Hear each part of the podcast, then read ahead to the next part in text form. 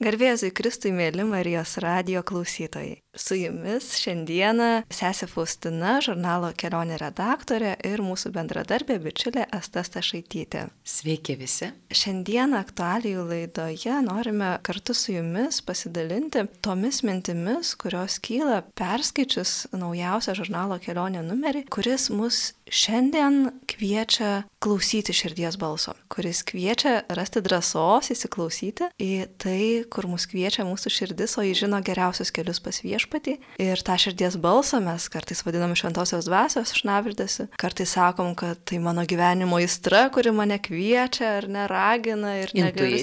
Vadiname. Kartais sakom intuicija. Adventas, ko gero, yra labai tinkamas laikas padaryti vietos tam balsui man jie suskambti ir paklausti, tai kurgi aš esu kviečiamas, kurgi esu kviečiama, ne tik į didingus žygius, kaip žurnale šį kartą pasakojam, kviečia tas balsas išsiruošti, bet ir į labai tylius, šventus darbus, patarnavimus ir pasilenkimus prie e, pačių mažiausių. Tai apie tą balsą šiandieną ir kalbėsimės. Kaip čia tu gražiai viską įvardėjai, nes mes su vienu bičiuliu, kaip tik prieš porą dienų, kai tik prasidėjo adventas, aš ėjau su šventinta žvake ir sutikau jį ir kaip tik jis klausė, tai kągi tikinčiųjų gyvenime tas adventas reiškia. Labai smalsus žmogus visko labai domisi. Mhm. Tai man buvo labai gera e, jam papasakoti tiek, kiek aš žinau, kiek aš išmanau. Ir jis labai nustebo, kad tai nėra tik toks, na, jam vos nesugedulų, besocijuojant veikiantis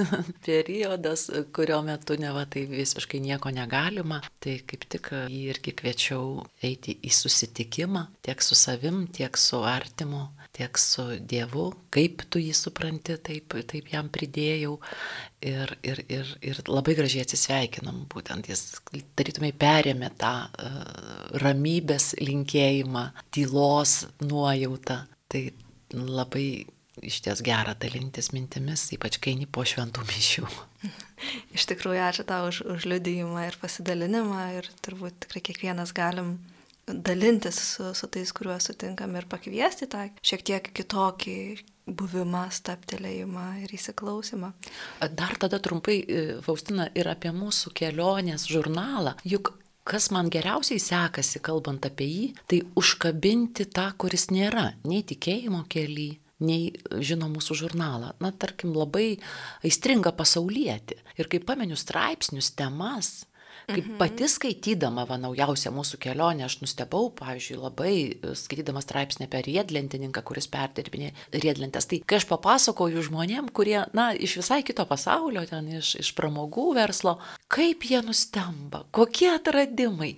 Nes e, turime, manau, įdą sudėlioti viską į dėžutės į lentynas. Va čia tikintiesiam, čia pasauliečiam, čia nusidėjėliam, ar ne? O viskas yra kur kas labiau persipinę. Ir būtent mūsų žurnale man labai išdidu visada pasakoti, yra atliepiama į visų širdis, gali surasti savo įdomų straipsnį kiekvienas. Nes e, turbūt, kaip Juratė Micevičiūtė šiame žurnale įkalba apie tikėjimo darybę, kuri mums yra be galo reikalinga ir sako, kad iš tikrųjų taigi nėra netikinčių Nes vis viena tu tiki, tu tiki, kad tu ryte išlipsi iš lovos kitą rytą, ar ne, tu tiki, kad atmerksi akis, tu tiki, eidamas, darydamas, tu tiki ir be to tikėjimo tu negali keliauti į priekį. Tai kiekvienas, kuris, kuris tiki, kuris e, turi tą tikėjimo grūdą, net jeigu neišreikšta religingumu, ar ne, tai manau, kad jis e, gali surasti kelioniai e, to, kas, kas jį pripildo. Ir tikrai šitame žurnale turėjau e, labai gražų susitikimą, labai gražų pokalbį su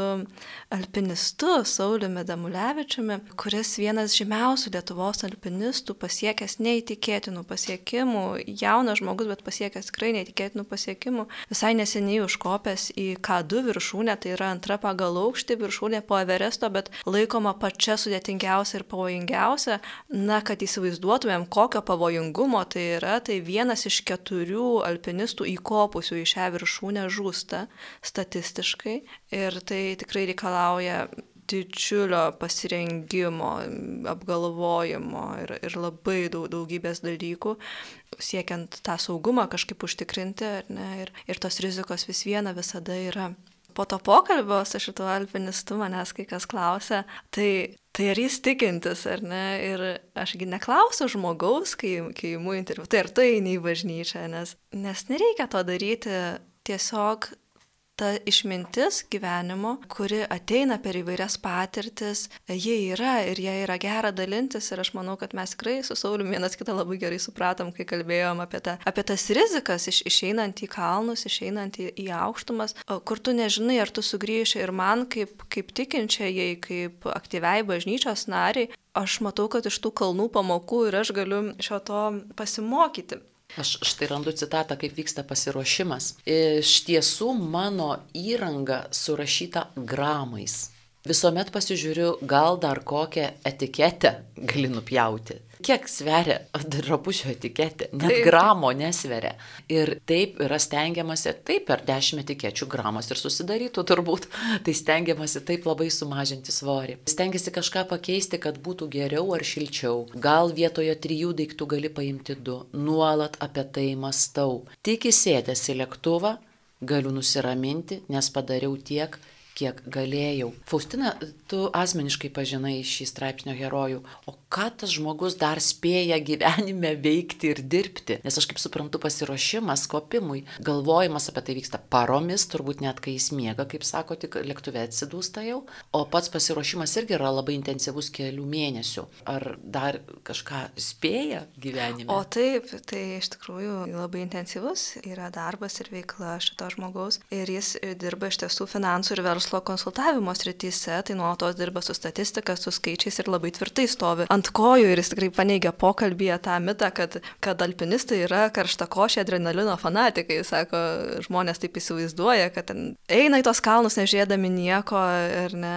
Ir jis labai gražiai, atsiprašau, jis reiškia, jis čia kur kalba apie tą uh, adrenaliną ir fanatizmą, sako, kad žmonės apskritai labai sureikšmina sėkmę. Man ta labai mintis dar buvo įdomi. Na, iš ties, mes dažnai sureikšminam sėkmę ir linkim sėkmė sėkmės, o dažnu atveju, kaip jis sako, tai yra kropštus pasiruošimas. Taip, labai kropštus pasiruošimas, labai atidus ir labai didelės atsakomybės jausmas ir už save, ir už tą, kuris kopia su tavim kartu, nes paprastai komandomis ar ne kopiama, arba po podu, ar, ar didesnėmis. Ir tu turi priimti tuos sprendimus kalnuose, um, atsižvelgdamas ir į kitą asmenį, ir į saugumą. Ir viena iš tokių saulius patirčių iškyla pokalbį iš paties pirmojo kopimo su tėvais, jo tėvai irgi užsiminėjo alpinizmu, į Montblano viršūnę, kuri yra Europoje aukščiausia, tai jis dar buvo paauglys.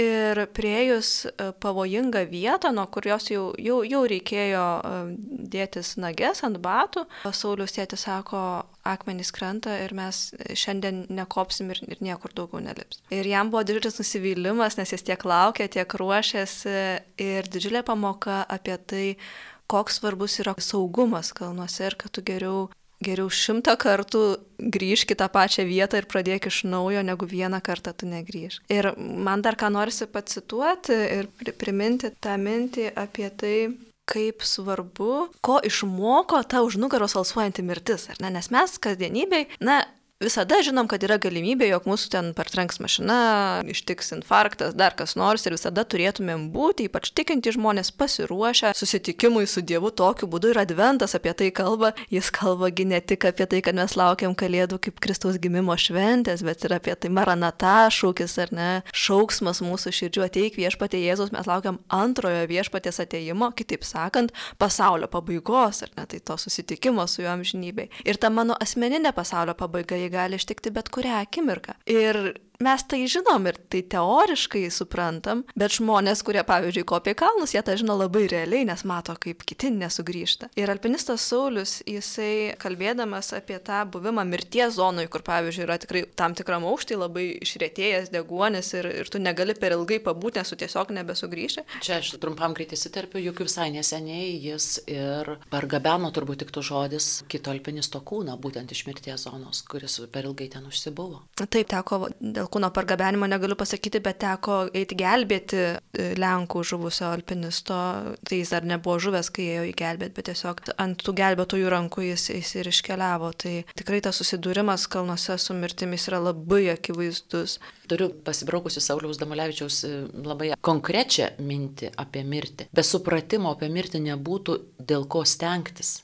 Kad galėtum viską atidėlioti iki begalybės, bet kada pakeisti savo sprendimus, iš nuobodulio išbandyti viską, kas gera ir ne, nes turi be galo daug laiko. Toks gyvenimas nebetektų prasmės. Mirtis kaip kita tos pačios monetos pusė. Ji apibrėžia gyvenimą. Iš tiesų ir ačiū tau šitą citatą, nes tikrai man atrodo, kad kiekvienam iš mūsų jį labai tinkama ir kalbant apie šitą laiką, apie advento laiką, apie tą nuolatinį, būdėkime, būdėkite, tas kvietimas būdėti, pasirenkti susitikimui, kuris yra nežinia kada ištiks. Ir, ir tikrai tu turi būti labai gerai apgalvojęs daugybę dalykų. Na, o toks atrodo labai rimta ar ne kalnuose ir labai viskas dramatiška, bet kai Saulius klausiau, tai kaip, kaip dabar bus ir, ir, ir kokie dabar planai, jis sako, pirmiausia, man reikia pasveikti, nes jį visai neseniai perėjoje partrenkė automobilis. Sako, kalnai tai mane saugo, o, o va, einant per čia žalį šviesoforo signalą, tai, tai ir tikrai pasiekmes yra nemenkos to.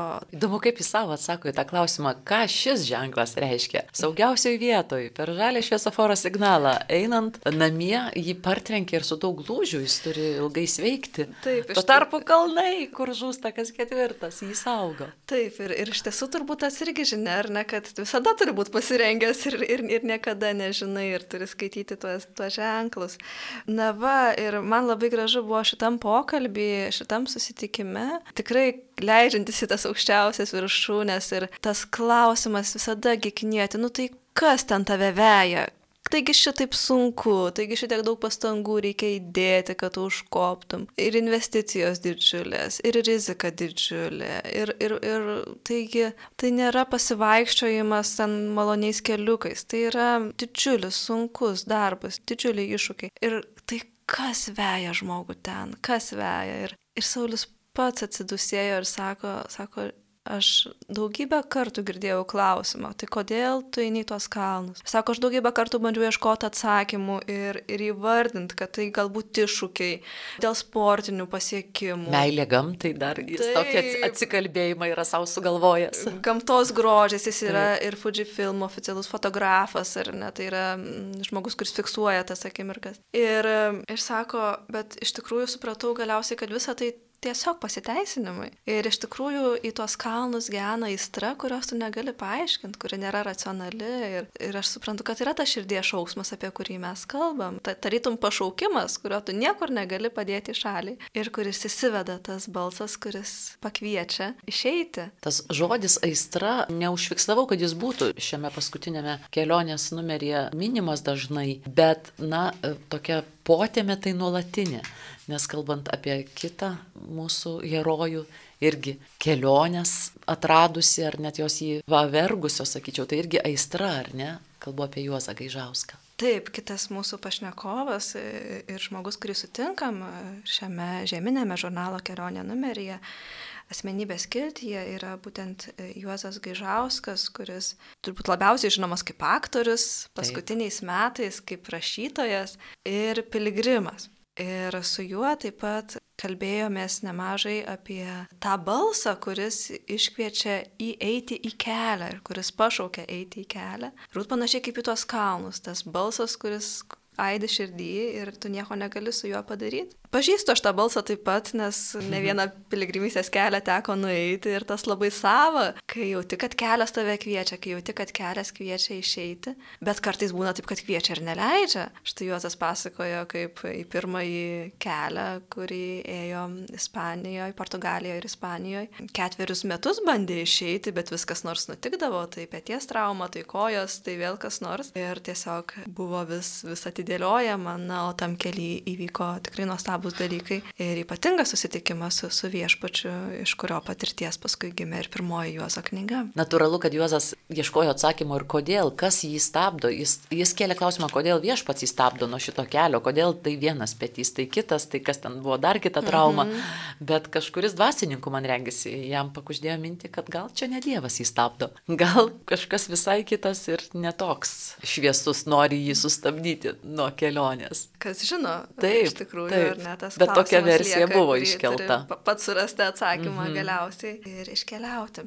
Man, kalbant apie šį pokalbį su Juozu Gaižausku, kino ir teatro aktoriumi, viskas man čia buvo labai įdomu ir jo mintis, bet, žinai, aš negalėjau net kreipti dėmesio apie, na, begalinį jo talentą, kalbančius dalykus. Kiek jo išsireiškimuose yra poezijos, kaip net duodamas interviu jis nesugebėjo paslėpti, koks talentingas rašytojas yra. Iš ties jo paskutinės, tas toks, na, sakyčiau, atsirastas talentas rašymas, tai yra, na, labai labai didelis, nes tai jo visos knygos yra bestselleriai, ar ne? Ir, ir, ir jų taip daug, viena po kitos, jam kaip, kaip prasivėrė ta, nu, ta dovana keliauti, tai tuo pačiu prasivėrė ir tas talentas rašyti. Štai kaip jis kalba apie močiutės uogas. Aš dabar nepasakosiu istorijos, bet įsiklausykite, kaip jis tai pasakoja. Sėdi, skinitas, nekenčiamas uogas, o mintise čiupinėjai pasaulio ribas. Tarsi durys, langai, kur toliau tave nuves. Aš kažkaip šį kartą skaitydama tą pokalbį su Juozu, būtent tai nuolat mačiau, koks jis talentingas, ką aš dar čia radau. Ai, apie jo įtaigų žodį. Per vienos knygų pristatymą bažnyčioje vienas kunigas sakė, jei mes kunigai taip kalbėtume, kaip prašoma šioje knygoje, bažnyčioje žmonių būtų dešimt kartų daugiau. Tai irgi aplinkinių susižavėjimas, kaip Juozas rašo ir kaip formuluoja mintį. Bet aišku, dar, dar užsifiksavau labai gražią mintį. Aš, aš labai mėgstu sakyti, kad, na tikrai esu labai dėkinga Dievui už mylimą darbą. Ir visada sakau, kad, na tikrai nedirbu. Ta prasme, dirbu, atrodo labai daug ir filmavimai, ir radijas, bet nesijaučiu dirbanti. Toks darbas visiškai gyvenimo dalis. Tai Juozas kokią gražią mintį pasakė. Lengva daryti tai, kuo tiki. Čia dar kita, kita spalva to, ką aš norėjau pasakyti. Ta prasme, smagu daryti tai, ką mėgsti, bet lengva daryti tai, kuo tiki. Čia jis kalba būtent be abejo ir Taip, apie... ir iš tiesų, turbūt tie, kas daugiau domisi piligrimystės tema, ar tiesiog Juozo knygas yra skaitę ir ar dalyvavę renginiuose su juo, mato, kiek daug jis atiduoda savęs, pristatydamas knygas, pasakodamas savo piligrimystės istorijas, bibliotekose, knygynuose, bendruomenės susitikimuose, bažnyčiose, parapijose, nuolatos susitikimas po susitikimas, renginys po renginio ir, ir atrodo, nagi pasakoti tas istorijas skirtingom publikom, tas pačias istorijas, ar ne, tai jau pats turėtum pavarkti, bet, bet sako, ne, lengva daryti tai, kuo tiki, nes tiki, kad... Aš atsiprašau, buvau vienam tokių pristatymų jo pasakojimų, pasidalinimų vakare, tai atrodo, kad jis tai daro pirmą kartą, taip karštai, taip šviežiai. Taip, taip, įdomiai. taip, ir iš tikrųjų visos tos dovanos, kurias, kurias turi per gyvenimą, jos, jos padeda. Ir man labai gražu, aš tik tai pacituoti norėčiau mm, tą vietą, kaip po pirmojo kelio prasidėjo gal tas, tas viešas toks liudijimas ir dalinimasis e, tomis ir tikėjimo patirtimis e, Jozo Gaižausko gyvenime. Taigi po pirmojo kelio prasidėjus pandemijai ėmiau galvoti. Gal atėjo ta diena, kai reikia kalbėti garsiai. Jei stovėsiu tvirtai ir nešiu tikėjimą, gal kažkam tapsiu bent kokią atramą įsikipti. Už kitą nepatikėsi, bet kitas tavyje gali tą atramą rasti. Pirmas sėki nebuvo labai drąsu per televiziją, kai tave mato koks milijonas sakyti. Taip aš katalikas yra sutikintis. Klausimas formaliai tikintis? Ne, iš tikrųjų. Porą sekundžių nuostaba. Supranti, kad tai sakai nebe saujeliai žmonių, o daugybei. Pasirengiau kuokoms. Neprireikė. Dar kažkurioje vietoje Juozas minė, kad buvo pasirinkęs irgi polimui, kad reikės ginti savo tiesas, bet dideliai nuostabai neprireikė. Tai arba jis kalba į tuos, kurie girdi, arba jis moka taip tą žodį parinkti, kad neišeina jau jo be užsipulti. Taip labai tikras savo kelyje.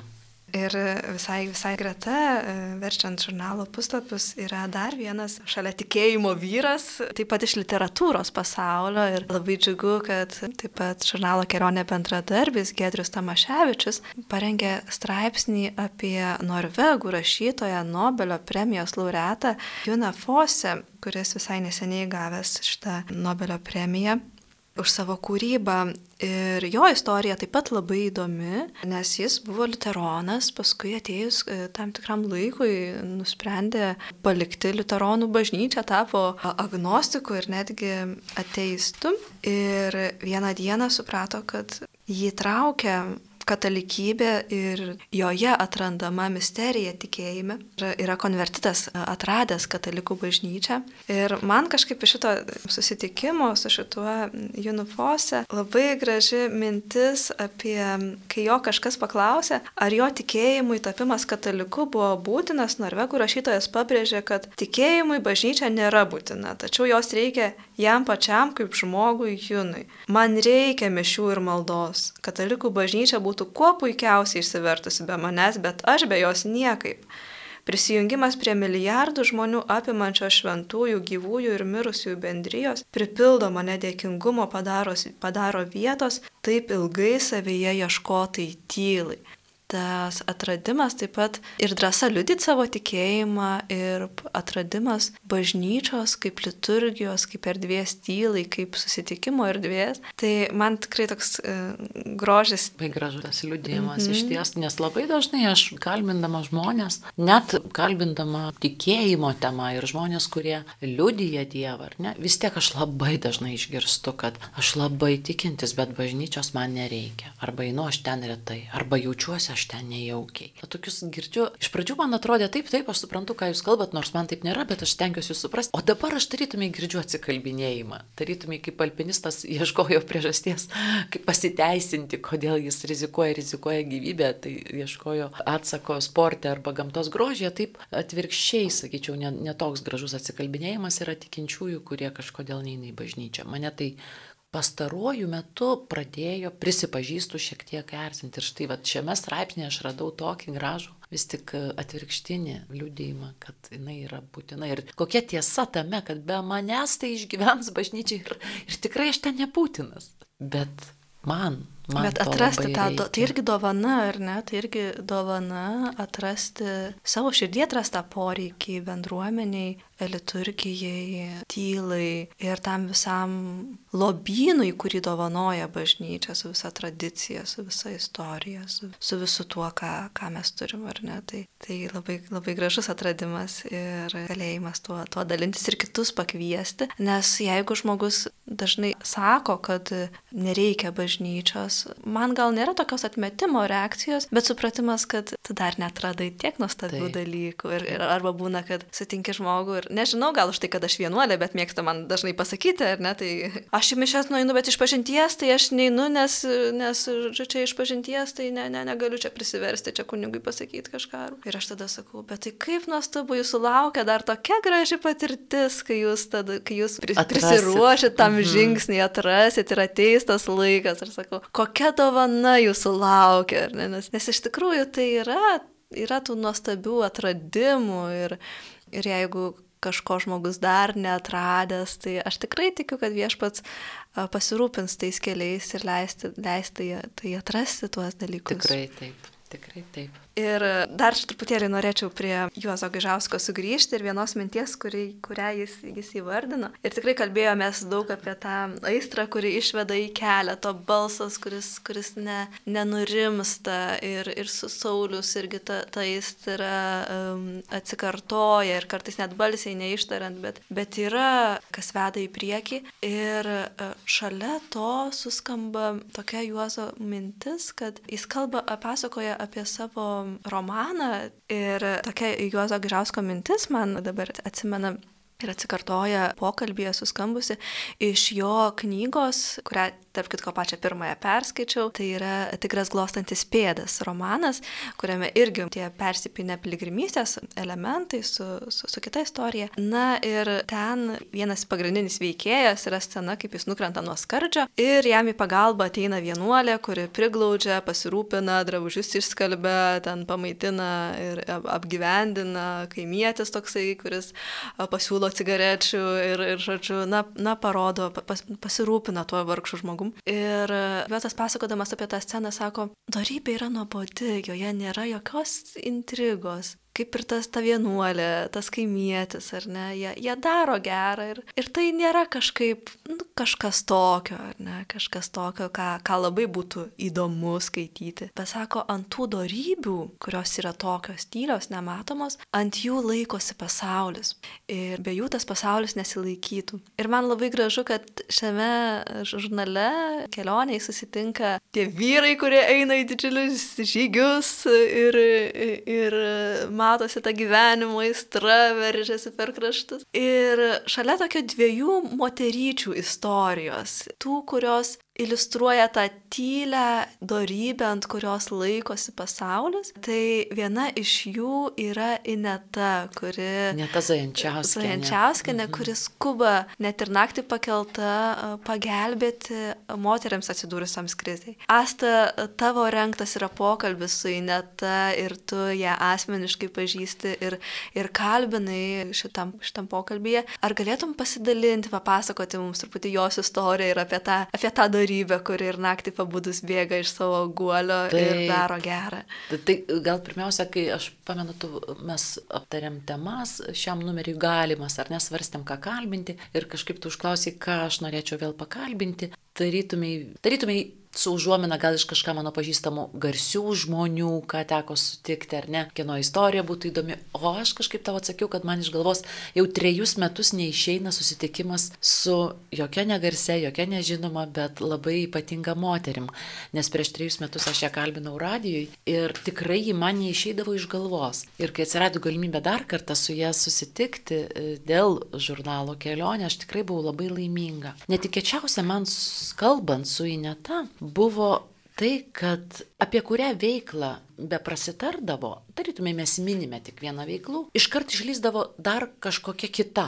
Nebuvo nei vienos gyvenimo srities, kur viskas aišku, einu pavyzdžiui darbą. Tai paaiškėdavo, kad darbė jie irgi dar daro kažkokį tai šventą darbelį. Arba pavyzdžiui, ji dainuoja ir šoka virvytėje, folkloro ansamblyje. Pasirodo, kad ten ji subūrė moteris valdai. Ten irgi yra dar papildoma veikla. Pasirodo, kad ten jos turi gražią tradiciją išlydėti moterį gimdymui. Ne bet kaip. Vėl į netos iniciatyvą už ją melstis. ją prausti žiedlapiais ir apvilkti pačių moterų rankoms siuvinėtus marškinius. Mhm. Ir aš tokias žmogus praktiškas visą tai paverčiu mintise į valandas, į, į laiką, kiek reikia turėti laiko kad jo tiek dovanotum kitiem. Taip pat e, Neta, kaip žinia, moterų krizinio neštumo centre savanoriauja ir tengi vėl ji netlieka tik tai, ką reiktų ten atlikti, ar ne? Pasistengti perkalbėti moterį nuo aborto, pasistengti jai papasakoti, kokia laimė ir dovana yra motinystė, ar ne? Pasistengti iš, išgelbėti tą vieną nors gyvybę. Ne, ji tą visą padaro, bet ji lekia ir naktį, ji tada kai gimsta kūdikis, organizuoja visus artimuosius, kad surinkti reikalingiausius daiktus kūdikiui. Ar tai būtų ten žindimo buteliukas, ar, ar nešyklė. Ji visur daro daugiau negu tik reikėtų ar ne, kad padarytum. Ir dar, ir dar subūrė žmonės naujom iniciatyvom. Štai pavyzdžiui, kelios šeimos pas juos turi tradiciją vieni už kitus melstis. Ir visa tai yra neatsitiktiniai, ne pavieniai dalykai.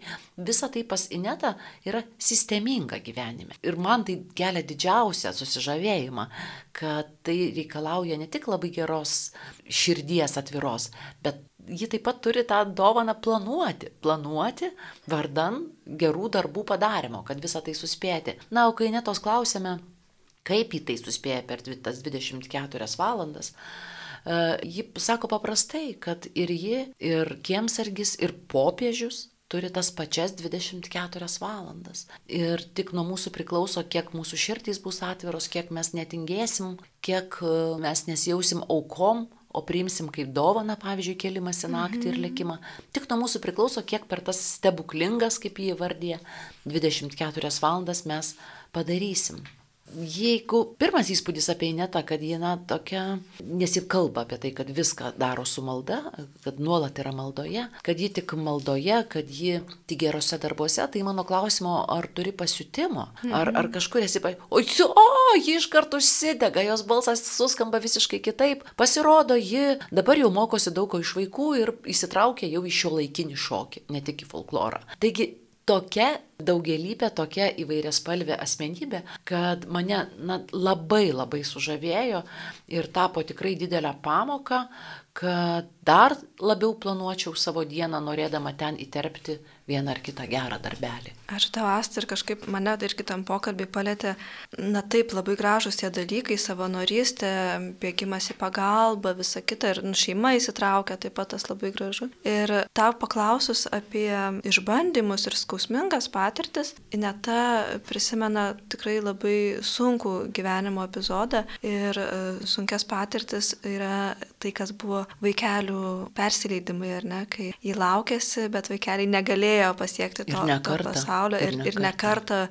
tai, tai patyrė tą skausmingas netektis. Ir visai šalia gretimam tekste šeimos kiltyje Donata Špokaitė parengusi straipsnį apie angelų mamas. Ir taip artėjant šventoms kalėdoms tikrai tokia labai jautri tema užkabinta tiek Inetos, tiek Donatos apie mamas, kurios prarado vaikelius jiems dar negimus. Ir ta aistra dalintis gyvenimu, troškimas duoti gyvybę, troškimas priimti su visa meile ir tai, kai tu tiesiog e, negali ir kaip tos moteris tvarkosi su tom patirtim. Ir vienos liudijimas iš viso yra labai, labai jautrus šituo kalėdiniu laiku. Joanos liudijimas apie tai, kad per kučių vakarienę ji patyrė persileidimą. Kučių vakarą. Taip, ji pasakojo, kad negalėjo patikėti, kad Dievas tokį, to, tokią dieną, tokį vakarą ar ne pasima iš jos kūdikį. Taip, ir kokia buvo ilga paskui gyjimo kelionė ir, ir tikėjimo krizė ištiko be abejo tą moterį ir kiek reikėjo laiko nukeliauti, kad vėl galėtum priimti Dievo meilę ir, ir patikėti, kad tai nebuvo bausmė ar ne, kad tai, kad tai irgi tam tikra tikra pamoka ar dovana, net nežinau kaip įvardinti, tam tikras kelias, kurį, kurį matyti e, reikėjo nueiti. Su angelų mamomis aš visai neseniai susidūriau kitoj erdvėje. Karito iniciatyva Žvelg giliau mane pakvietė pravesti visą ciklą renginių. Mes kalbėjome juose apie emocinę sveikatą, apie traumas, psichologinės ar net psichinės lygas. Ir viena iš tų sekmadienių kaip tik dalyvavo Angelų mamos. Tai nėra tik šios straipsnio pavadinimas žurnale kelionė. Angelų mamos yra bendruomenė vienijanti būtent šeimas, šeimas, nes mes tikrai labai dažnai nuvertiname ir vyro skausmą tokioje situacijoje, ar ne? Taigi vienijanti šeimas, kurios neteko kūdikių dar jiems negimus. Ir iš ties kaip labai skaudžiai šeimos ir mamos tai išgyvena, moteris ir vyrai atviravo per tuos mūsų susitikimus. Aš tik e, iš to viso labai noriu trumpai pasakyti, kad ką mes, visi kiti, kurie to nepatyrė, galėtume padaryti, tai turėti vis tik didesnį supratimą, kaip reaguoti tokiai nelaimiai atsitikus. Kaip dažnai, įsivaizduoji, Faustina sulaukdavo moteris tokių replikų, dar jauna, ko čia verki pastosi. Negali, atrodo, negalėtų patikėti, kaip taip gali išsprūsti tokie žodžiai, bet sakė, kad tai dažniausia pagoda, kurią išgirsdavo šeimos, ar kai netekdavo kūdikio. Šiame straipsnėje, kuris yra mūsų žurnal kelionė, aš randu svarbiausią paaiškinimą, kurį ir pačios moteris sako, kai atrado, joms stojo viskas į savo vietas, kodėl jos patyrė tokias traumas, taip ilgai liūdėjo, kodėl tiek laiko reikėjo atsigauti, kad galiausiai man paaiškino, kad persileidimas irgi yra mirtis sako viena straipsnio herojų ir tokiu būdu atkreipia mūsų visų dėmesį, kad tikrai neturėtume to nuvertinti. Na ir mūsų laikui visai einant į pabaigą norisi apibendrinti ir apie keletą tekstų mes pakalbėjom daugiau, bet jų žurnale yra tikrai gausu ir dar viena paminėta moteris liudijanti tylėje darybę, tai yra Onutė, kuri buvusi garsiausių Vilniaus restoranų virtuvės šefė, atėjus nepriklausomybė išėjo tarnauti patiems vargingiausiams ir buvo daug metų Betanijos valgyklos,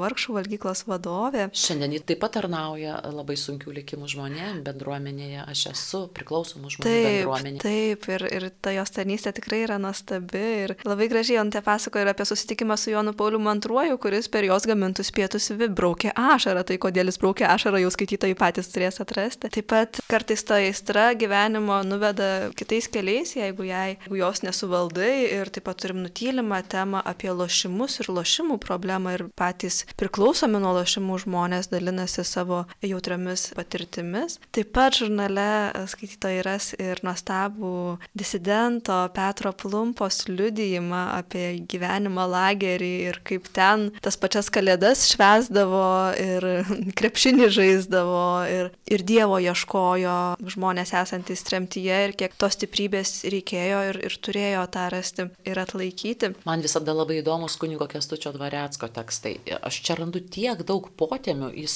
sugeba taip tirštai, taip daugias luoksnį dėlioti savo mintis, kad aš skaitau ir ne po kartą, tikrai man išriškėja daug atskirų minčių, tuo tarpu šį kartą aš labai atkreipiau dėmesį į jo mintis apie meilę savo. Man visai neseniai, sakyčiau, prieš metus, porą, toj populiariojoje spaudoje, televizijoje, radijoje, na, mylėti save buvo tokia populiari frazė, tokia dažna, kad ji tapo net nuvalkėta, šiandien nebemadinga apie tai kalbėti, man regis. Ir kaip gerai, kad kuningas Kestutis Vareckas apie tai prabyla ir viską taip trumpai išaiškina, kas yra ta tikroji meilė savo, kad mylėti save yra ne nuodėmė, o vienas pamatinių uždavinių. Nuo to, kaip myliu save priklauso ir mano įgalumas mylėti šalia esantį, priimti ir mylėti save kaip Dievo širdies dalelę, mylėti save ne kaip Dievą, o dėl Dievo. Tikrai labai įdomių minčių šį kartą radau Kestučio Dvarecko tekste. Na, aš pabaigti mūsų šitą susitikimą norėčiau šviesaus atminimo valdo Matskelos teologo mintimi. Šiame numeryje, kelionė, žurnalo kelionė numeryje jis pasakoja apie e, naujojo amžiaus judėjimo pagundas ir apie tikrąjį dvasingumą, kurį siūlo mums bažnyčia. Ir taip pat kalba apie tą gyvenimo aistrą, kuri yra pozityvi. Ir labai gražiai susišaukia su kunigo Kestučio mintimi, kurią tą astą pacitavai. Tai yra, valdas sako, Pripažinti, kas esu, ko noriu, tai kelias atrasti savo didįjį troškimą ir tikrąją, didžiąją gyvenimo aistrą. Turbūt norisi ir linkėti visiems Marijos radio klausytojams skirti laiko laukiant šventų kalėdų, pažvelgti savo širdį, įsiklausyti, kas esu, ko noriu, ko trokštų, kas yra ta mano gyvenimo aistra ir kur kviečia tas balsas, kuris išveda alpinistus į kalnų žygius ir kartais naktį žadina, kad bėgtum į pagalbą. Ačiū tau, Faustina, už tavo mintis. Abi skaitėm tą patį žurnalą, o išriškėjo abiem gan skirtingos mintis. Visada labai įdomu dalintis. Ir tikiuosi, kad ir mūsų skaitytojai, ir radio klausytojai taip pat atras čia skirtingų kelionės vingių. Tikimės linkim palaimintos kelionės šventų kalėdų link ir taip pat primenu, kad žurnalą kelionę galite įsigyti parapijose, spaudos kioskuose ir kviečiam prenumeruoti, dovanoti prenumeratą savo ir kitiems. Tai žurnalas kelionė.lt rasit kelius ir būdus, kaip tą padaryti ir tikrai kviečiam keliauti kartu ir kviečiam atrasti tų tikrai susitikimų ir tekstų, kurie maitina širdį. Tai palaimintos kelionės šventų kalėdų link su Dievu. Sudė.